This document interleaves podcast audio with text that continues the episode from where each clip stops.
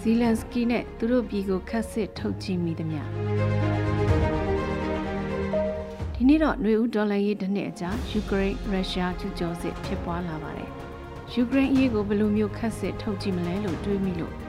ဒီနေ့ဒီအကြောင်းပဲရေးလိုက်ပါတယ်ယူကရိန်းကဆိုဗီယက်ပြိုကွဲပြီး1991ကစပြီးလွတ်လပ်တဲ့နိုင်ငံဖြစ်လာတယ်အရှေ့နဲ့အနောက်နိုင်ငံရေးလုံဆွဲမှုတွေထဲမှာလူလိမ်နေတဲ့အဖြစ်ဖြစ်တယ် ရုရှားလိုလားတဲ့အစိုးရတက်လိုက်နောက်အုပ်စုအကြိုက်အစိုးရတက်လိုက်နဲ့အတက်အကျများတဲ့အတိုင်းပြည်ပါသို့ပေမဲ့တိုင်းပြည်မှာစက်မှုလက်မှုစိုက်ပျိုးရေးနဲ့နျူကလ িয়ার စွမ်းအင်ရှိလို့စီးပွားရေးလူမှုရေးအဆင်ပြေတယ်လို့ဆိုနိုင်ပါတယ်မတည်ငြိမ်တာကနိုင်ငံရေးပဲဖြစ်ပါတယ်အစပိုင်းမှာရုရှားရင်းနဲ့နိုင်ငံရေးကောင်းဆောင်တွေရဲ့လက်ဝဲဩဇာသိမ်းသွင်းမှုတွေကတလက်မြို့သားရေးရှေ့တန်းတင်တဲ့လက်ရာကောင်းဆောင်တွေဘက်ကလည်းတိုင်းသူပြည်သားတွေကိုဤအမျိုးမျိုးနဲ့ အစိုးရလူမျိုးရေးဘာသာရေးအတွေ့အခေါ်တွေသွတ်သွင်းခဲ့ကြပါတယ်။ရွေးကောက်ပွဲဆိုတာကလည်းနိုင်ငံရေးသမားတွေကမဲဆန္ဒရှင်တွေကိုလူရဆွဲကြိုးဆွဲပြိုင်ကြတဲ့ပွဲတွေထက်ပိုမထူးပါဘူး။2004နိုဝင်ဘာသမရရွေးကောက်ပွဲစကန်ရောင်းမှာသမရကော့ချ်မအစိုးရအဖွဲ့ရဲ့ဝန်ကြီးချုပ်ဗစ်တာယူနိုကိုဗစ်ကအနိုင်ရတယ်ဆိုပြီးစရင်ထွက်လာတယ်။သူကပရိုရုရှားပူတင်ကတော့ congratulation လုပ်တယ်။ဒါပေမဲ့ မဲမတမာမှုလိမ်မှုတွေရှိတယ်ဆိုပြီးကန့်ကွက်ရင် Orange Revolution ဖြစ်လာတယ်။ရွေးကောကရွေးကောက်ပွဲပြန်ကျင်းပပြီးတော့ Yanukovych ရှုံးပြီးလက်ရည် Viktor Yushchenko သမရဖြစ်လာတယ်။2010သမရရွေးကောက်ပွဲ second round မှာရုရှားနောက်ခံ Yanukovych ပြန်အနိုင်ရပြီးသမရဖြစ်လာတယ်။ Yushchenko ကတက်တန်းတစ်ခုပဲသမရလုပ်ခဲ့တယ်။ရုရှားရင်ကောင်းဆောင်ကရှေ့အစိုးရကလက်မှတ်ထိုးထားတဲ့ EU ဖွဲ့ရဲဝင်မဲ့အစီအစဉ်ကိုဖျက်ပစ်လိုက်တယ်။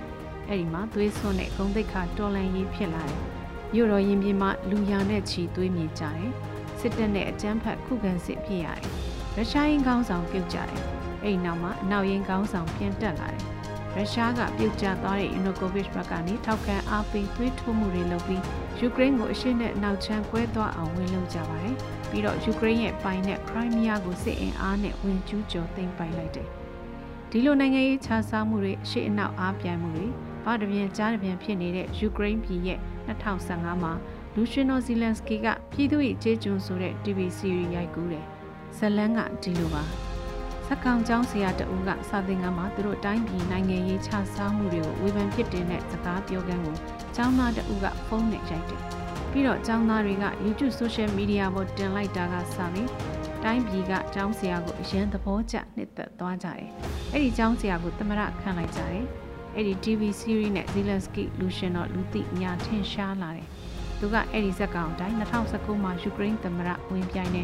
သူ့ကိုပြည်သူကရုပ်ရှင်တွေကចောင်းဆရာလိုမျိုးမျှော်လင့်ပြီးမဲပေးလိုက်ကြတာပဲ။သူတက်လာတော့ပြည်သူတွေကမင်းသားလိုလိုသူရဲကောင်းလိုလိုသဘောထားကြတယ်။သူကလည်းနေတိုင်း Facebook GB တိုင်းပြည်အုပ်ချုပ်နေတယ်လို့ဆိုကြတယ်။သူကရုရှားနဲ့အဆင်ပြေအောင်ကြိုးစားတယ်။အမေရိကန်နဲ့အဆင်ပြေအောင်လည်းကြိုးစားတယ်။ ဒါကြောင့်2019သူတက်တက်ချင်းမှာအမေရိကန်သမ္မတထရန့်ကအမေရိကန်စီးရေးအကူအညီတန်း400နဲ့ချက်ကနေနောက်အမေရိကန်သမ္မတဖြစ်လာမဲ့ဘိုင်ဒန်ကိုနာမည်ဖြတ်ပေးဖို့ဇီလန်စကီကိုဖုံးဆက်နာသွင်းတယ်။အဲ့ဒီကိစ္စပေါက်ကြားပြီးထရန့်လည်းအမေရိကန်လွှတ်တော်ရဲ့ပြစ်တင်ချိန်မောက်စစ်ဆေးခြင်းကိုခံရတယ်။အဲဒီမှာယူကရိန်းစစ်ရေးပြင်ဆင်မှုတွေနှောင့်နှေးကုန်တယ်လို့ဆိုတာပဲဇီလန်စကီရှိကလက်ရရေးယူကရိန်းအစိုးရကောင်းဆောင်တွေကရုရှားမုန်းတီးရေးနဲ့ယူကရိန်းမျိုးသားရေးကိုရှေ့တန်းတင်ခဲ့တယ်။ ဘာသာရေးအစွန်းရောက်တွေကိုအားပေးခဲ့တယ်။အဲဒီမှာယူကရိန်းနဲ့ရုရှားဆက်ဆံရေးတင်းမာနေခဲ့တယ်။ဇီလန်စကီကသူတက်ပြီးနောက်2020နဲ့2021အတွင်းမှာရုရှားကောင်းဆောင်ပူတင်ရဲ့မိတ်ဆွေယူကရိန်းစီးပွားရေးသမားကြီးတအုပ်ကိုထိမ့်သိမ်းတာကန့်သက်ချုပ်ချယ်တာတွေပြင်းပြင်းထန်ထန်လုပ်လိုက်တယ်။ပူတင်ကအတော်စိတ်ဆိုးတယ်လို့ဆိုတယ်။ နိုင်ငံရေးရေချိန်နေတာတွေရုရှားလူလာတဲ့ခွဲထွက်လူမျိုးစုတွေနေမြေတွေစီကတောင်းဆိုမှုတွေပြင်းထန်လာချိန်2020ဖေဖော်ဝါရီမှာရုရှားကောင်းဆောင်ပူတင်ကကျူးကျော်စစ်ဆင်နွှဲဖို့ဆုံးဖြတ်လိုက်တာဖြစ်ပါတယ်။လက်ရှိမှာတော့ဇီလန်စကီက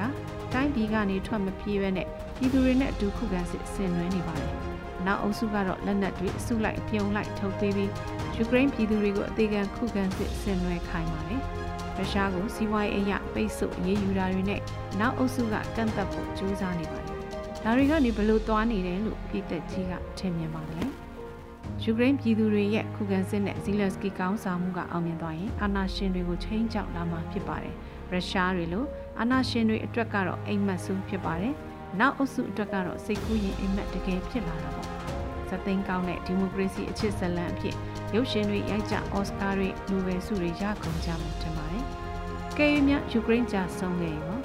တကယ်နဲ့အမှန်ပြောရရင်ရှေ့ကောအနောက်ကောအတွက်ဘာမှရရှိမှထူးမယ်မဟုတ်ပါဘူး။ပုံနေမြဲကြားနေမြဲနောက်တနိုင်ငံနောက်အရေးအခင်းနောက်တော်လှန်ရေးတစ်ခုခုမှထပ်အားဆန်းကြအောင်မှာပဲဖြစ်ပါတယ်။မြမပြည်ကိုယ်တိုင်ကလည်းအရှိအနောက်လွန်ဆွဲမှုတွေကြားကတိုင်းပြည်တစ်ခုဖြစ်နေတဲ့အပြင်အာဆီယံနဲ့အာရှအင်အားသည့်နိုင်ငံတွေကြားထဲမြင့်နေတဲ့ သမိုင်းဖြစ်စဉ်နဲ့ဆက်လက်ဖြတ်သန်းနေရပါတယ်။ရီဦးတော်လိုင်းကြီးကိုလည်းအရှိအနောက်နဲ့အာရှတို့ရဲ့အာဘော်တွေဩဇာတွေကြားထဲကနေပြည်သူတွေမှာပြည်သူပဲရှိတယ်ဆိုတဲ့ကြွေးကြော်တဲ့မှုဟစ်ကြွေးချီတက်နေစေဖြစ်ပါတယ်ရှင်